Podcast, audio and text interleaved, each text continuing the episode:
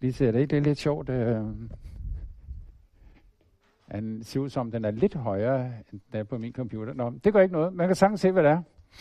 Det er klimadyret, isbjørnen, som jo er blevet, øh, tak, symbol på øh, klimakampen der. Og øh, det her, det er sådan en lidt uh, sportsversion af de normale foredrag, som jeg holder, som gerne tager sådan en time til halvanden. Så det er, det er den uden kalesje, vi kører igennem nu. Og øh, der er sådan i store træk indholdet er, øh, om det er reelt øh, med klimaforandringer, eller om det er trospørgsmål. Det er sjovt nok for folk, folk som er i, øh, i branchen, altså vejr, klima og, og, og så videre, øh, der var det, der holdt toget ved den perron for sådan 20-30 år siden. Men der er stadigvæk rigtig mange mennesker i, i Danmark, som mener stadigvæk, at øh, jamen, er der ikke noget med.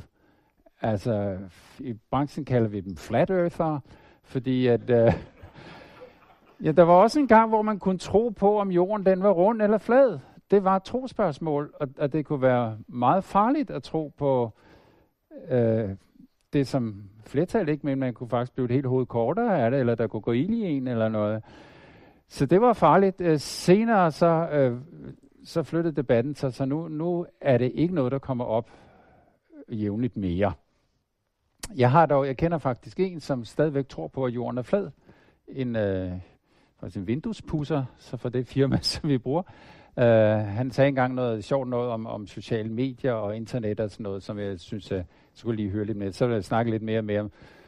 Fandt jeg ud af, at han var fuldstændig sunket dybt ned i et, et øh, konspiratorisk hul, og han også mente, at øh, altså det var amerikanerne på månen, og, og jorden var rund, og alt det der andet, det var simpelthen fugt hele. Han troede kun på det, han, han kunne se, det han selv havde oplevet. Og sådan noget. Så der findes stadigvæk nogen, og man kan sikkert også stadigvæk google Flat Earth Society, øh, amerikanske øh, hjemmeside.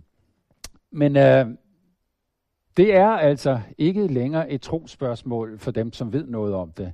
Det er et trospørgsmål for nogen, som fornægter, øh, fordi at de har en økonomisk fordel i at fornægte det. Øh, men der er ikke nogen videnskabsfolk, der tror på det mere. Og så vil jeg også gerne vise jer, hvad der er sket. Øh, det er sådan tit med, med, sådan, øh, med, hvad der sker af forandringer. Jorden går under i år 2000, og fordi der er alle computere, de kan ikke klare det der 00000, så bryder det hele ned. Det troede man også engang. Der var i hvert fald nogen, der troede på, at der var stor bevågenhed, og man arbejdede i flere år på at, øh, at øh, konfigurere computeren, sådan at de ikke gik ned, øh, når det blev 000. Øh, det gjorde de så heller ikke. Men klimaforandringerne, det er faktisk ikke mere noget, som nogen tror kommer til at ske en gang. Og det er meget vigtigt at få den ind. Øh, klimaforandringer, det er noget, som sker nu. Det sker hele tiden, og det sker mere og mere, og det sker hurtigere og hurtigere og voldsommere og voldsommere. Det er begyndt. Det er ikke sådan noget med, at øh, vi skubber, vi skubber en jernbanevogn afsted lige ud, og vi aser og maser, og så er der en, der kommer og siger, jeg tror, det begynder at gå ned og bakke om et stykke tid. Ja, fedt mand, nu er vi aser og maser stadigvæk. Det er godt, du tror på det. Uh, hey, nu kan I godt hoppe op på vognen, fordi nu er den altså begyndt at rulle. Og, og den er ikke til at stanse. Nu ruller det altså bare. Det er ikke spørgsmål om, det her kommer til at ske. Det er i gang. Og så vil jeg fortælle jer, hvad konsekvenserne af de her klimaopvarmninger er, eller klimaforandringer. De har jo fået navnet global warming, øh, som man alene ligesom fokuserer på temperaturen.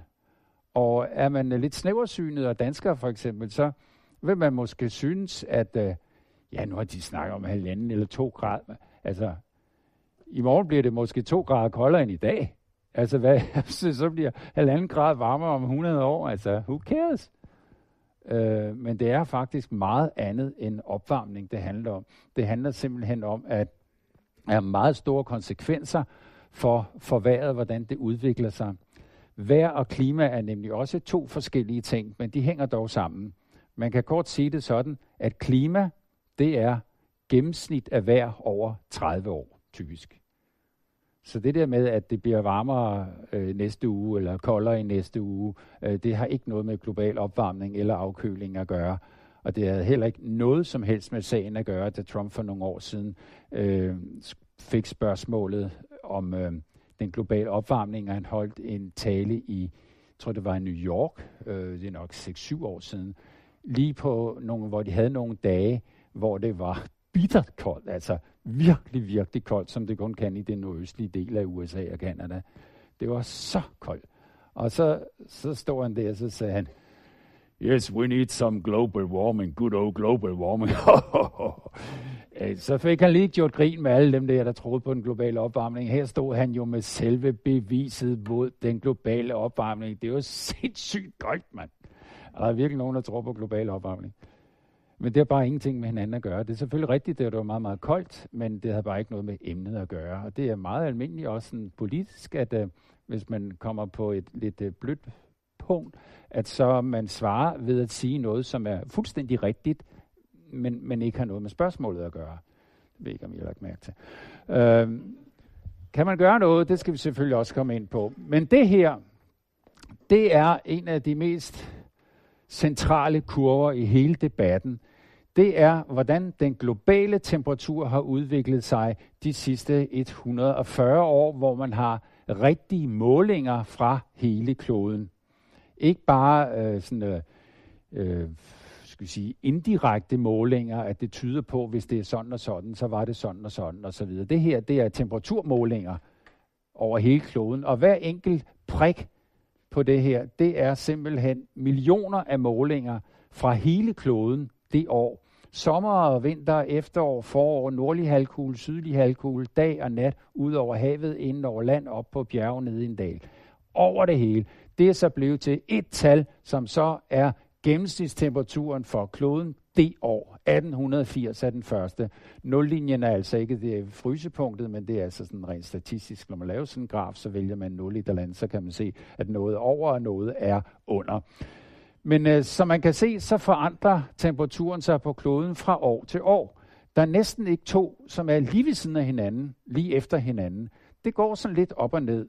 Og det har jo også ligesom været rygtet, at, øh, at det der med vejr og temp- øh, klimaforandring, altså det, det går altid op og ned, men det kan man ikke sige noget om. At, at dem, min farfar var ung, så sagde han for eksempel, at uh, der var jo altid om vinteren, der var jo sne helt op til tagskægget, ikke? så derfor så gik de jo kun i skole halvdelen af, af året, for de kunne simpelthen ikke komme ud af hoveddøren øh, på al, grund af alt det sne. Vel, og andre, de mener jo, at det var simpelthen så varmt, så de næsten kunne høste to gange. Ikke? Altså, øh, det var det er meget gode historier, det er meget sjove, men man skal bare ikke øh, lægge øh, for meget i det.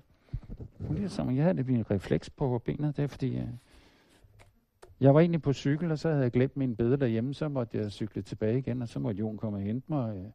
Øh, nå, men nu er vi her, og øh, som man kan se, så går det op og ned fra år til år. Men hvis man nu midler det tager fem år ad gangen, og tager middel der, og så altså to og et halvt år på hver side, så får man den røde kurve og der kan man se, det er jo heller ikke sådan en konstant, at den bare stiger og stiger. Det går sådan op og ned til at starte med. Øh, lige omkring 2. verdenskrig, der var det faktisk, øh, ikke på grund af 2. verdenskrig, men der, der var der faktisk en periode, hvor der var lidt lunere globalt set, og så gik det lidt ned igen, og så gik det lidt op, så gik det lidt ned. Men siden cirka 1968 eller sådan noget, og det har ikke noget med ungdomsoprøret i Paris at gøre, altså, så er det blevet varmere og varmere og varmere. Og øh, hvis man ikke tror på, at der er nogen global opvarmning, så vil den kurve nogenlunde være vandret. Og det ved jeg ikke, hvordan der er nogle mennesker, som stadigvæk kan sige, at den der kurve, den er sådan stort set vandret. Øh, det mener jeg så ikke, den er. Den stiger faktisk rimelig stejlt, især her de sidste 50 år. Jamen, det har jo altid været varmere, og så har det været koldere, og så var der den der vikingerne, de tog til Grønland, der var det også varmt, ikke? Øh, og ja, godt, vi har hørt så meget. Jeg siger, at den der stigning af temperaturen inden for de sidste 50 år, hvis vi sammenligner den med for sidste istid, vi havde, og så op til vores moderne klima her, eller skal vi bare sige 1850, hvor man begyndte at sætte ild til kul, øh, den stigning fra sidste istid og så til moderne tid, det er jo så også en grader per år, kan man sige, så er denne her kurve 100 gange så stejl. Det vil sige, at temperaturen stiger nu 100 gange hurtigere, end den i gennemsnit gjorde fra sidste istid og så op til nu. Så det her, det er ikke noget, som man siger, ja, men det går altid op og ned, og det er sket før, bare rolige, alarmisterne, de er altid så, uh, Nej, det er de ikke. Det her, det er ikke sket før i menneskets historie, og slet ikke i civilisationshistorie, og slet ikke, mens vi har været så mange mennesker så tæt på jorden. Det her er fuldstændig unikt. Og det er derfor, at man råber alarm og ringer alarmklokkerne, og øh, så jeg er faktisk ligeglad med, der er så mange, som lige snakker med om det her, ved at holde fordrag om det her i 10-15 år snart, er, er sådan, at man skal jo heller ikke skræmme folk, vel? Altså, de der skrækkampagner, det virker fuldstændig modsat. Ikke? Altså, Titanic er sejlet på et kæmpe isbjerg, ikke? Og ja, altså, så finder vi et sjovere band op i øh, salonen, ikke? Og sætter priserne ned. Altså, der er ingen grund til at skræmme folk, vel? Der er virkelig hul i bunden nu. Det går stærkt den forkerte vej. Isen, både Arktis og Antarktis, stiger eller smelter hurtigere end nogensinde, og for Arktis vedkommende, så går det nu seks gange så hurtigt som bare i 90'erne. Ikke for 100 år siden, men bare i 90'erne. Så det accelererer virkelig, virkelig meget. Her er udbredelsen af isen omkring Nordpolen, altså den is, der ligger på, øh, på havet, på Polhavet, der måler man så en gang om året, nemlig på det tidspunkt, hvor der er mindst is. Det får man kan sammenligne det fra år til år, for ellers det er jo sådan en størrelse, der vokser og skrumper og vokser og skrumper. For den bliver jo stor om vinteren, og så bliver den mindre i løbet af sommeren, og så omkring i begyndelsen af september måned, der har den nået sit minimum, og så begynder den nu at vokse igen. Så måler man arealet, hvor mange øh, tusind square miles der er, tror jeg det øh, ja, det er så square kilometers, øh, på den, øh, det tidspunkt på året, hvor der er mindst. Og det er altså ikke fra 1880 det her, det er faktisk fra 1979. Og det er rigtige målinger, det er satellitmålinger. Før da, der, der vidste man det faktisk ikke. Altså der kunne man, øh, ja, sætte en grønlænder ud i en, øh, en kajak, eller øh, og, og se, hvor meget is tror du, der er i år. Og så kommer han ind og siger, der er virkelig, virkelig meget is i år. så hakker vi den af, at det igen i år, hvor der var is.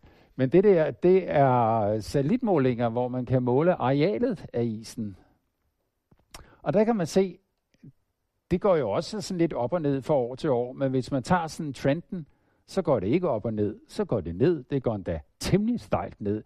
Det er næsten blev halveret på de her 40 år. Næsten halveret, jeg tror det er omkring 40 procent, den er, den er faldet. Så det går virkelig stærkt. Og det er ikke bare øh, det her, så udbredelsen, men tykkelsen, den er også blevet betydeligt mindre, måske også omkring halveret. Det er meget, meget svært at, at måle, for det er nemt nok, man kan sagtens få et overblik øh, og opfra og se, hvor meget øh, det fylder, men man kan ikke øh, måle tykkelsen. Der, det skal man så tage sådan nogle punktprøver, og det gør man ikke ret meget. Men for et par år siden var der en international ekspedition deroppe, hvor der også var en dansker med, Polarstern, en tysk skib, og de sagde, at den var også blevet væsentligt tyndere. Så det går altså virkelig nedad. Gletsjerne, de smelter også to-tre gange så hurtigt nu, som for 100 år siden. Og der er omkring 100.000 gletsjer, og det er faktisk dem alle sammen. Det går virkelig hurtigt. Det er en meget stor gletsjer. Det her det er nogle mennesker, der står og kigger på en gletsjer. Så det er, det er virkelig stort, det der. Øh, men det, det, de skrumper simpelthen trækker sig tilbage. Og øh, når isen smelter, det der ligger op omkring på, på, på havet, øh, så stiger, det, stiger vandstanden ikke på grund af det. Fordi det er ligesom i havet. Det fylder mere, når det er, ligger, isen ligger der, men når det smelter, så bliver det bare havniveau. Ikke? Ligesom når, når jeg køber en cola sydpå, og han spørger, om det skal være with ice. Ja, ja, det er normalt, vi skal have is. Ikke? Så tager jeg lige øh, glasset ned i, i kølen der, så er det allerede halvt fyldt med is, ikke? og så får du en halv cola til hel pris. Og så, det, så når det is smelter, så sker der ikke noget med vandstanden. Så det, det, selvom det fylder mere, så, øhm, så giver det altså ikke noget. Men det, der giver noget, det er Grønlands indlandsis, der, øhm, der smelter. Det løber ud i vandet. Det er gletsjerne, der smelter. Det løber også ud i havene. Det er havenes temperatur, som stiger, så fylder vandet mere. Så havniveauet, det stiger altså konstant, eller har gjort det i de sidste over 100 år. Noget andet, som også stiger, det er drivhusgasserne. Der er nogle gasser i vores atmosfære, som holder på varmen. De er der fra naturens side, skal vi sige, fra skaberens side, og de er regulerer vores temperatur, så den ikke svinger så meget. Hvis der ikke var drivhusgasser i vores atmosfære, så var heller ingen af os til stede. Fordi så ville jorden være fuldstændig ubeboelig. Det vil være en dybfrossen isklump, fordi udstrålingen er simpelthen så kraftig, at det vil være ekstremt lave temperaturer på den side, som vender væk fra solen. Og alt for varmt, når solen skinner. Så det kan ikke rigtig lade sig gøre at øh, leve på en klode, hvor der ikke er drivhusgasser i atmosfæren. I øjeblikket har vi sin runde tal, plus 15 grader som global øh, årsmiddeltemperatur. Hvis vi ikke havde haft drivhusgasser i atmosfæren, så ville den være minus 15 grader. Så det er meget vigtigt, at der er drivhusgasser, så vi skal ikke sige, at drivhuseffekten det er noget bras, det vil vi gerne af med, det er noget, mennesker har skabt i deres uvidenhed. Det er det ikke. Det er noget, skaberen har skabt i sin store vis- visdom. Øh, men de her drivhusgasser, de har ligget sådan temmelig konstant. Her så har vi så Jesu fødsel, ikke? Øh, det ligger stort set konstant. Bare ikke lige de sidste par hundrede år der, der stiger det virkelig meget. Virkelig, virkelig meget. Det er koldioxid, altså den røde, som har ligesom det største ansvar, omkring 80 procent af, af den opvarmning, som sker af atmosfæren nu, er på grund af koldioxid. Så du kan se, det her det er heller ikke noget, der bare sådan plejer at gå op og ned, og, og, og da vikingerne og i middelalderen og romeriet, og øh, der var nemlig også noget med, at der var sket også noget med klimaet dernede, ikke? At Kleopatra og hele det der egyptiske dynasti, det brændte sammen. Det var også noget med klimaet og tørke og misvækst og mangel på korn. Og, men det var, det var bare ikke det, der var øh, sagen dengang. Altså, vi har virkelig virkelig, virkelig uledt meget, meget store mængder drivhusgas. Så meget, at det er steget helt enormt. Jeg kan ikke lige huske, om jo, den der. Ja, øh, det ved man, fordi øh, Grønlands indlandsis, også øh, indlandsisen på Antarktis, når det sner, så kommer snifnuk, det er det fine, fine snifnuk, og lander og, og de fanger så en lille smule luft også. En lille smule luft ind i det snifnuk. Og så lægger nyt lag ovenpå og nyt lag ovenpå, og så bliver det så komprimeret, og så vokser det så hele tiden. Og så kan man bore ned med sådan et stort bor, og så kan man øh, bore flere kilometer ned, og så, kan man, så er der ligesom for hver år, så bliver der ligesom, der er et træ med årringe, så kan man tælle sig vej frem og finde ud af, hvad årstal er vi omkring. Og så kan man tage og analysere de mikroskopiske luftbobler, som er blevet mast inde i isen. Og der kan man så se øh, temperaturer og mængde af øh, sporgasser, altså drivhusgasser, for eksempel CO2. Og det er den, det den har gjort, denne her. Der kan man se, at det går op og ned, og der har vi altså en halv million år tilbage her. Og der, sige, der har været tider, hvor det er gået op og ned, men der er sket store, store, store ting. Der er sket så enorme vulkanudbrud. Der er sket uh, kontinenter, der har flyttet sig, bjergkæder, der er opstået, øh, meteorer, der har banket ned i jorden og udslettet stort set alt liv osv. Store, store ting. Men det har jeg ikke opdaget, der er sket, i hvert fald mens jeg har været i live, sådan nogle store ting på vores klode.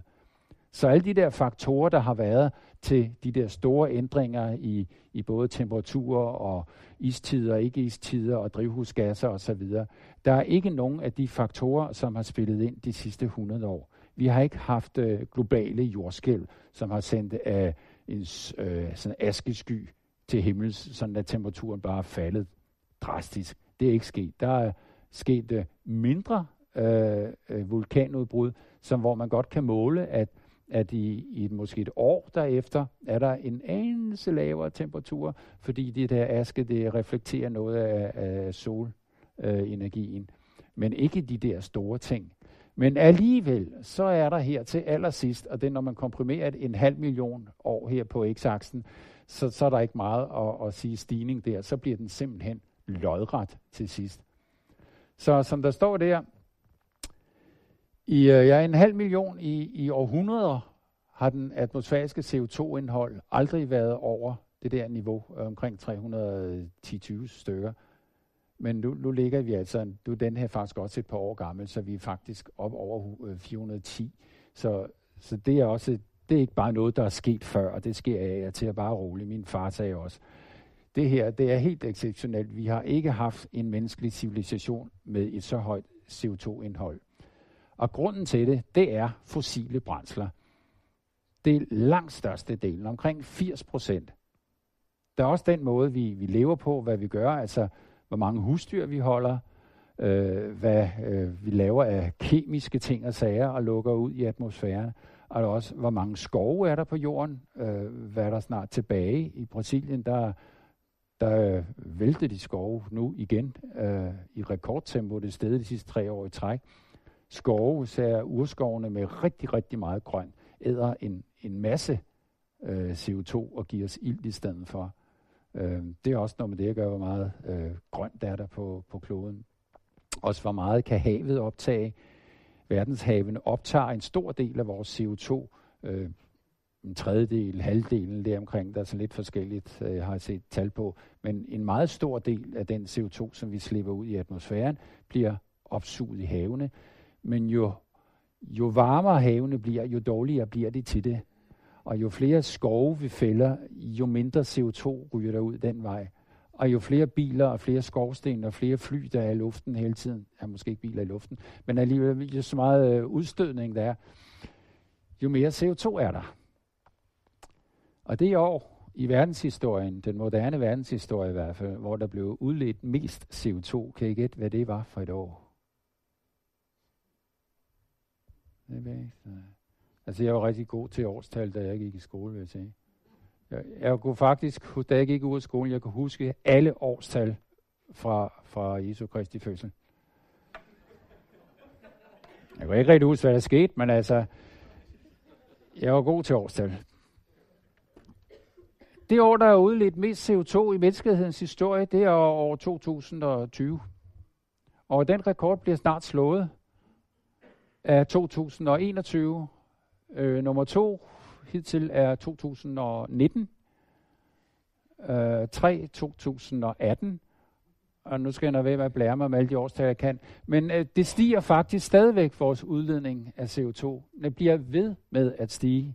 Og det selvom, at man for år tilbage, i mange år tilbage snart, enstemmigt vedtog i FN, at temperaturen ikke måtte stige mere end halvanden grad, måske to, men halvanden.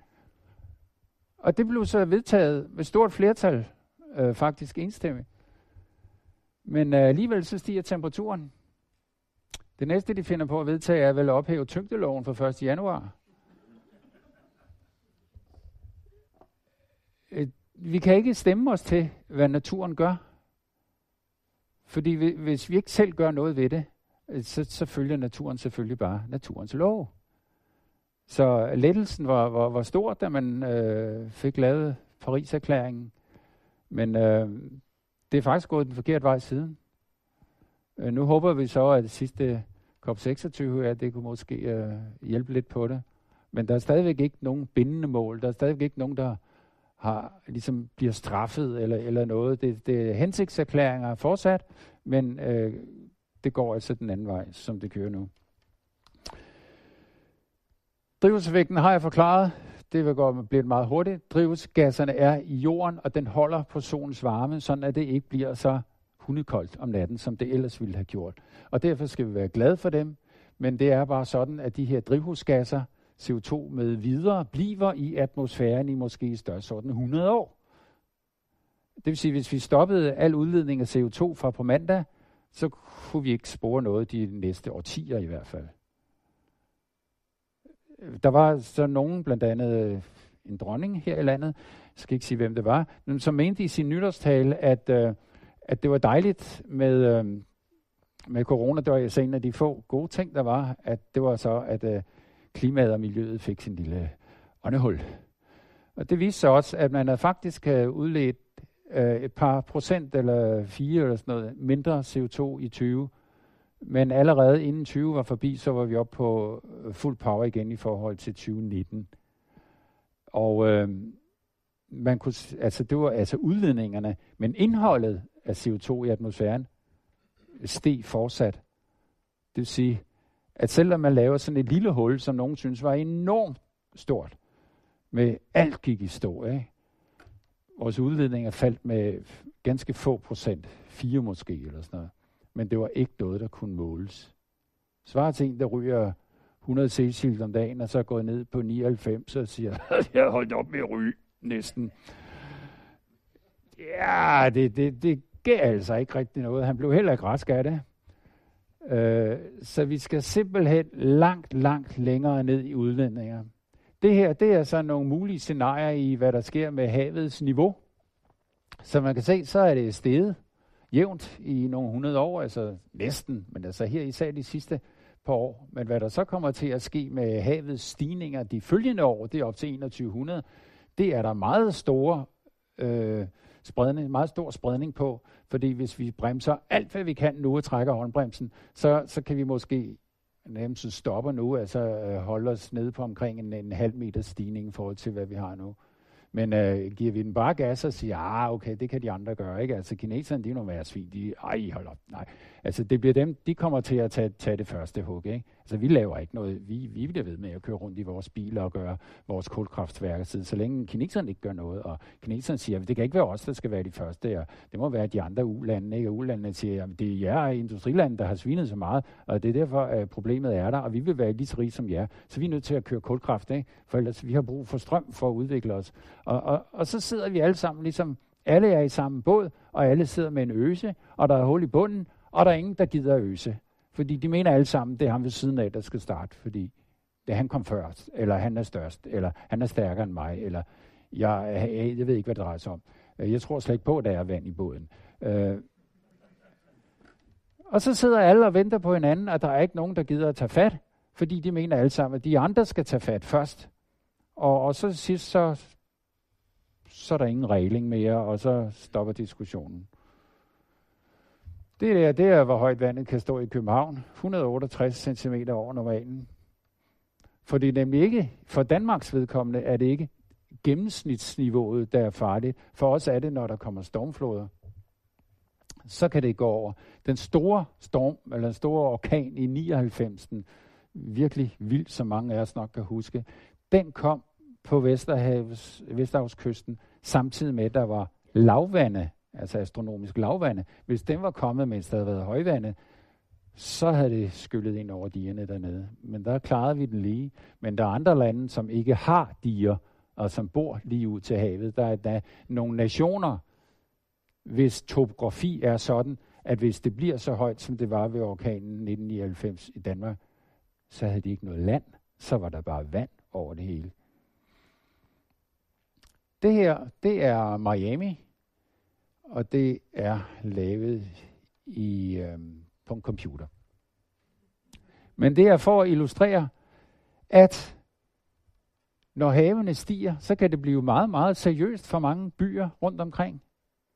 At havfruen ligesom går lidt til havs, at det er måske, ja, det var det. Øh, men altså, hvis man bor der, og havet så stiger de der, jeg ved ikke, hvad det der er lavet til, øh, øh, måske et par meter eller halvanden, det ved jeg ikke. Altså Miami ligger jo meget lavt.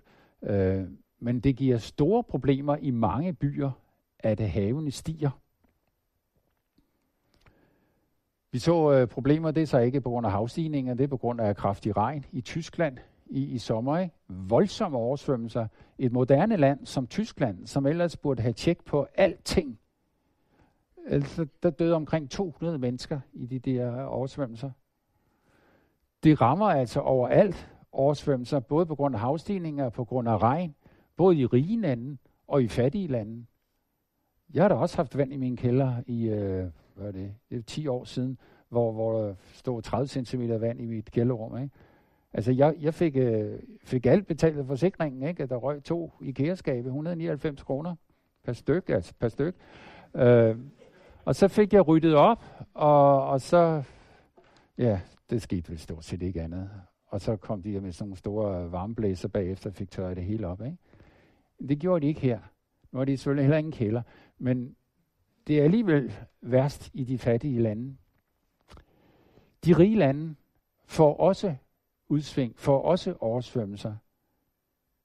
Men de fattige lande bliver langt, langt, langt hårdere ramt, fordi de, de kan ikke stille noget op. Simpelthen.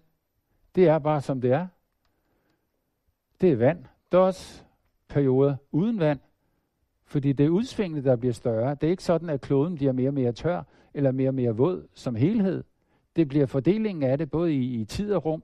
Der kommer hedebølger, og der kommer tørke, som bliver længere hedebølger, varmere hedebølger, længere tørkeperioder.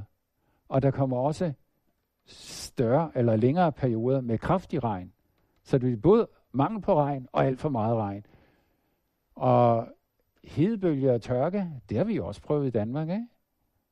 Var nogen, der kan huske øh, 2018? Sommeren 2018? Ja, godt. Blev I skoldet? Ja, det var så også det eneste, der skete, ikke? Landbruget klagede ganske gevaldigt. De skulle have tørkehjælp og tørkeparker og så videre. Det fik de også. Nogle landmænd de fik kun øh, halv udbytte det år. Men hvad skete der ellers? Stort set ikke noget. Hvad? En anden ting, som vi har set bliver mere og mere almindeligt, det er naturbranden, fordi der bliver mere og mere tørke.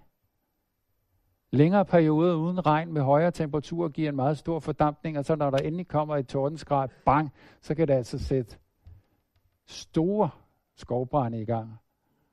Hvis der er nogen, der har fulgt lidt med i, hvad der skete i USA, vestlige USA, endda nordvestlige USA, endda sydvestlige Kanada, helt deroppe, så har de haft enorme skovbrænde, og her for et par dage siden, der fik øh, Canada, den vestlige Canada, eller sydvestlige Canada, helt ud til Vancouver der, enorme oversvømmelser.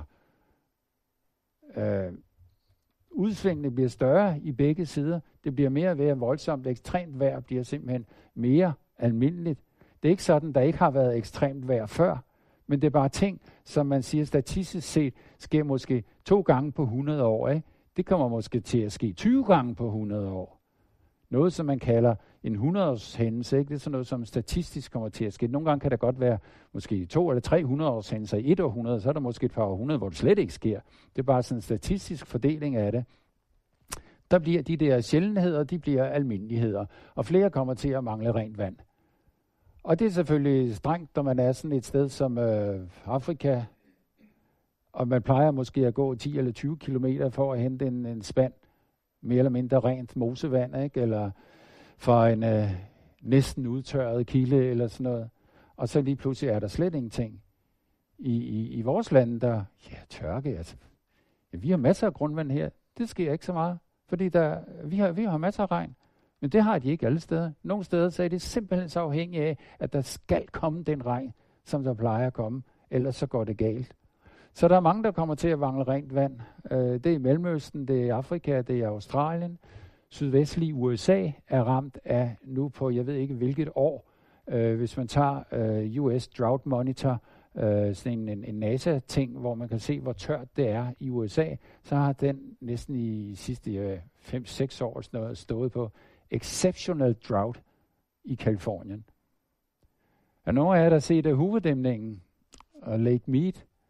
Det er en kæmpe dæmning, som de øh, har, har bygget for at øh, opdæmme Colorado-floden. Og så blev der en kæmpe stor sø bag ved dæmningen selvfølgelig. Den hedder Lake Mead, og det er verdens største ferskvandsreservoir, altså flydende ferskvandsreservoir. Så selvfølgelig mere vand i indlandsisen. Men øh, af flydende vand, der er Lake Mead det største. Og de har haft exceptionel tørke nu i overvis. Det er gået sådan lidt op og ned, men generelt i det sydvestlige USA, exceptionel tørke i overvis. Og jeg læste her for et par måneder siden, at vandstanden i Lake Mead har kun været lavere én gang. Det var dengang, der ikke var nogen Lake Mead. Altså, der var ved at bygge dæmningen. Der starter han selvfølgelig, der var en flod, ikke? så bygger man muren, det er en stor buet mur, som holder den. Og den har aldrig været så langt ned. Sidst den var, øh, jeg tror det var 2010, at den var fyldt sidst.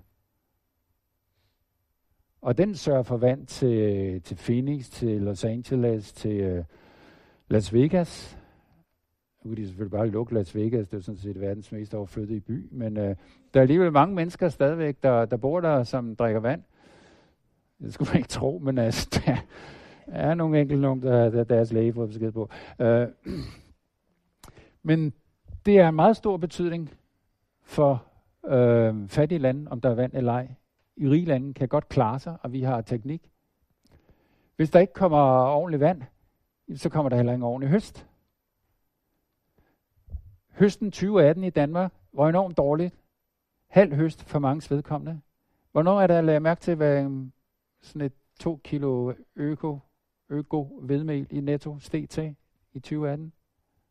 Havgryn. Jeg er taget, hvad havgryn koster?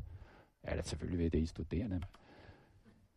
Der skete intet med vores fødevarepriser, selvom vi fik en mega dårlig høst. Ingenting. Hvis det var en øh, afrikansk landsby, og det var hele deres øh, kornkammer til det næste halve år, så ville priserne have tordnet i vejret. Halvdelen af byen ville være død af madmangel af sult.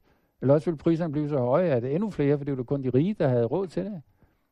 Fattige lande er langt, langt, langt mere udsat for misvækst og dårlig høst, end rige lande er. For vi kan simpelthen bare snøre den på en eller anden måde. Så konsekvensen af de store udsving i vejret, det bliver, at dyrkning af mad bliver simpelthen vanskeliggjort rigtig mange steder. Også steder, som lever af smeltevand, der løber ned fra Himalaya. Der kommer for meget vand, og, og, og ressourcerne de svinder derop, fordi isen, der ligger op på toppen, den bliver mindre og mindre. Det er ikke noget, der kommer til at ske hverken i år eller næste år. Men på lang sigt, og det er vi nødt til at tænke, for vi kan ikke bare lave kloden om jo. På lang sigt, så kommer det virkelig til at betyde noget, hvis der lige pludselig bare næsten ikke er nogen is tilbage, og den øh, nedbør, der falder, falder i større og større grad som regn, som bare suser ned, når den falder, og ikke falder som sne, og så ligger, og så kommer den senere. Så det bliver vanskeligt at, at dyrke mad. Det bliver vanskeligt at bo ved havet, fordi at havet stiger, så mange skal flytte sig. Og hvis der både er tørke og misvækst og oversvømmelser osv., så er der altså mange steder. Det bliver virkelig svært at overleve som menneske. Orkaner, de kraftige orkaner, der er ikke noget med antallet af de tropiske orkaner, det, det kan man ikke uh, sige noget, men man kan sige noget om antallet af de kraftigste, det ser ud til at stige, også fordi havtemperaturen stiger, og de kraftige tropiske orkaner, som er de, de mest voldsomme, vi har, sådan ser de ud for oven, øh, eller oppefra, dem kommer der flere af, de kraftige. Det der er meget berømt en, skal jeg hurtigt igennem det her, de oversvømmer altså også rige lande, og de oversvømmer fattige lande. Øh, de rige lande kommer så meget hurtigt. De fattige lande er meget længe om at komme sig efter sådan en orkan der. Se her, det er et billede fra Filippinerne.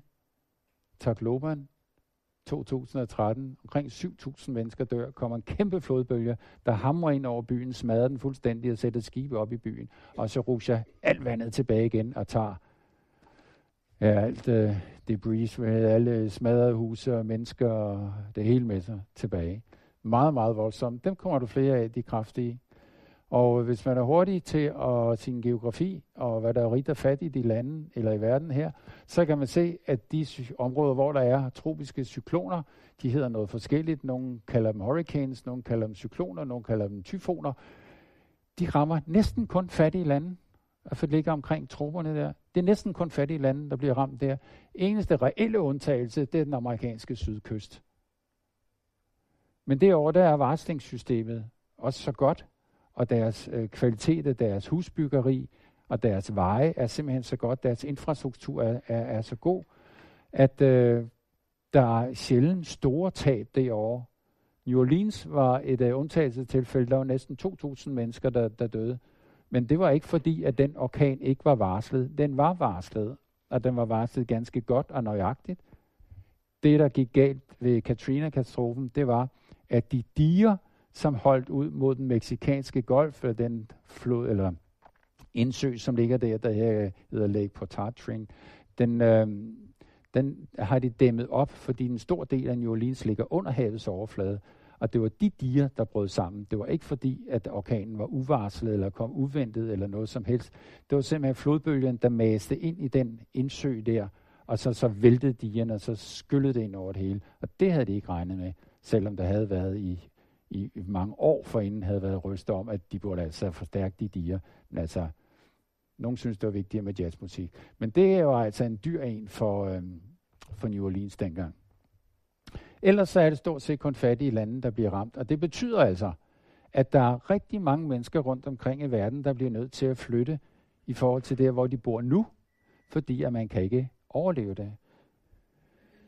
I 2017 var der 18 millioner klimaflygtninge, og klimaflygtninge, det er altså ikke sådan nogen, der bare drøner afsted, og de, de finder bare ud af, at her kan vi simpelthen ikke bo, vi bliver nødt til at flytte. Det er klimaflygtninge. De bliver nødt til at flytte, fordi at det ikke kan lade sig gøre at overleve der, hvor de bor. Den var der 18 millioner af i 2017. Verdensbanken har her til, i for, eller efter sommeren vurderet, at i 2050, så er der 216 millioner af den slags mennesker. I mere end en tidobling. Og det er på grund af tørke, på grund af oversvømmelser og på grund af stigende havniveau. Det bliver den mest almindelige årsag til at være flygtning. Det er ikke interne stridigheder, stammekrige og sådan noget. Det bliver simpelthen, at vejret bliver simpelthen så dårligt, at man ikke kan, kan overleve der, hvor man bor. Nogle øh, tal, som måske ikke er lige aktuelle, men det var de seneste, jeg kunne finde, da jeg lavede den. Øh, cirka hver 9. menneske på kloden nu sulter, altså får ikke den mad, man skal have. Det er sådan, som det er nu. Og øh, selvfølgelig kan man arbejde på det. Men øh, det er alligevel et meget stort antal. 80 procent af dem, som sulter, de bor i et land, der er udsat for naturkatastrofer. Og antallet af værrelaterede naturkatastrofer, og der taler vi altså både oversvømmelse, tørke, vandmangel, øh, naturbrænde osv. Altså de katastrofer, naturkatastrofer, hvor det er vejret, der er årsagen. Antallet af den slags katastrofer er inden for de sidste 50 år femdoblet. Så det er ikke bare noget, der kommer stille og roligt. Det er noget, der går hurtigt. Femdoblet på 50 år antallet af værrelaterede katastrofer. Jeg ved ikke, om det stadigvæk holder. 8.000 børn dør hver dag af sult. Og øh, omkring en tredjedel af det mad, der produceres i verden, ender i en skraldespand af en eller anden grund. Så det er ikke fordi, der ikke er mad nok. Så det der med, at det er også befolkningseksplosioner, bliver jo alt for meget til alt det mad, øh, det mad, vi ikke har. Nej, det passer overhovedet ikke. Det har noget at gøre med, hvordan vi behandler vores mad, hvor meget vi spilder, og hvordan vi, vi handler med det. Der er masser af børn. 96 procent af alle dødsfald i forbindelse med de øh, værrelaterede katastrofer sker i ulandene, fordi de ikke kan beskytte sig. Orkanerne rammer altså også det sydlige USA, men der sker relativt ikke særlig mange dødsfald derovre. For et par år siden var der en orkan, øh, som kom op igennem Karibien, passerede lige hen over Haiti, som er den vestlige del af sådan en lille ø, ikke? Altså sådan, og så tog den, tror jeg, fire stater i USA op igennem der. I øh, USA, der døde omkring 20 mennesker. Nogle af dem døde af kulilforgiftning, fordi de havde taget en generator ind i huset. Selvfølgelig dumt, men øh, de døde, og det blev så relateret til, som ligesom være relateret på grund af den katastrofe. I Haiti døde 1000 mennesker. Og, og, og det er bare sådan en lille zzz, hen over Haiti, det er ikke særlig stort.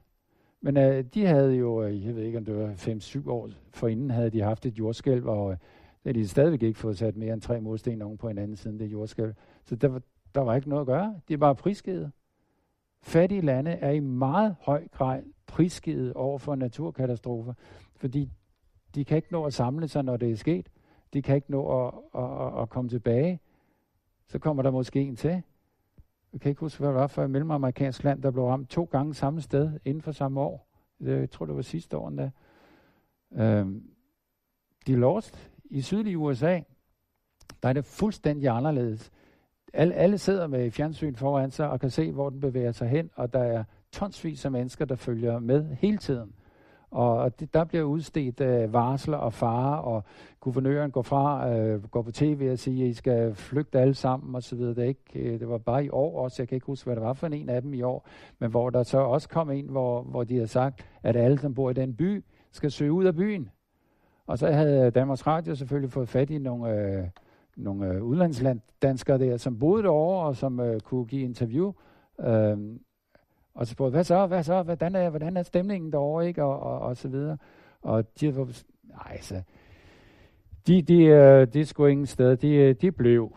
Altså det mener nok, de havde sat skodder for vinduerne, og, øh, og det, de havde været ude. Altså de havde hørt om folk, som også tog ud af byen, men altså, han gad ikke sidde 8 timer i en bil for at køre 20 km, altså, fordi der var så meget kø på vejene, motorvejene ud af byen der. Det gad han simpelthen ikke bruge så lang tid på. Så de blev, og der skete heller ikke noget ved dem. Men det er sådan ligesom, nogle steder i ulandene, ikke? så for, for jeg kan huske øh, ved sidste Europaparlamentsvalg, hvor jeg var på vagt i, i DOG 1, og der havde vi lige øh, behandlet en, øh, sådan en, en orkan, der skulle ramme Indien, og øh, det var en voldsom en, og der skulle inderne have flyttet, jeg tror det var 300-400.000 mennesker i løbet af to døgn i Indien på tuk-tuk. Eller også måtte de til fods eller noget andet.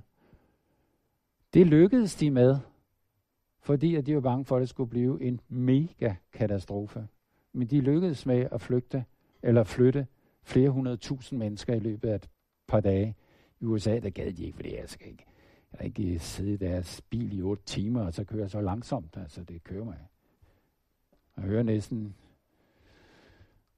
dyt bot og alt det der. Nej, det, det gad de ikke. Men der skete heller ikke så meget. Der sker ikke så meget, når, når de kommer i de rige lande, den slags katastrofer, men det bliver meget, meget indgribende i de fattige lande. Og så kom jeg lige ud, og efter vagten var slut, så var der et politisk møde i forbindelse med valg til Europaparlamentet. Og jeg havde bare det der i hovedet. Hvad sker der i Indien? Alle de fattige mennesker, og hvis, hvis, den, hvis den orkan den holder den intensitet, eller bliver stærkere, og den hamrer lige ind der, og den måske rammer den der by og sådan noget lignende, det bliver jo forfærdeligt. Jeg tænkte, det havde jeg bare i, i mine tanker. Og så hører man, det sidder og går en, en diskussion om, hvem det skal vælges til Europaparlamentet, og hvor de så kører ind på, at der burde være interrail-kort til pensionister. Og det diskuterede de temmelig længe. Det er vores politikere. Det er vores Europaparlament. De synes, det er meget, meget vigtigt, om der skulle være interrail-kort til pensionister, altså det skulle være billigere at køre rundt i Europa med tog for dem, fordi der var de unge mennesker, og det havde der været en gang, og det burde Dodds gøre igen, og, og de giver ved, om politikerne ved, hvordan vejret er udenfor i det hele taget. Det var bare sådan noget, jeg tænkte, ja, okay. Vi gør fremskridt på mange områder i forhold til, til verdensmålene, men øh, behovet for nødhjælp, det vokser i de kommende år, og vi får også et meget større behov for uddannelse og udvikling i de fattige lande. Så er klokken allerede blevet 8, går det Så jeg tror, vi stopper her. Jeg kunne som sagt blive ved i timevis, men uh, vi har et program. Det var det sådan en god halv time, som man siger, ikke?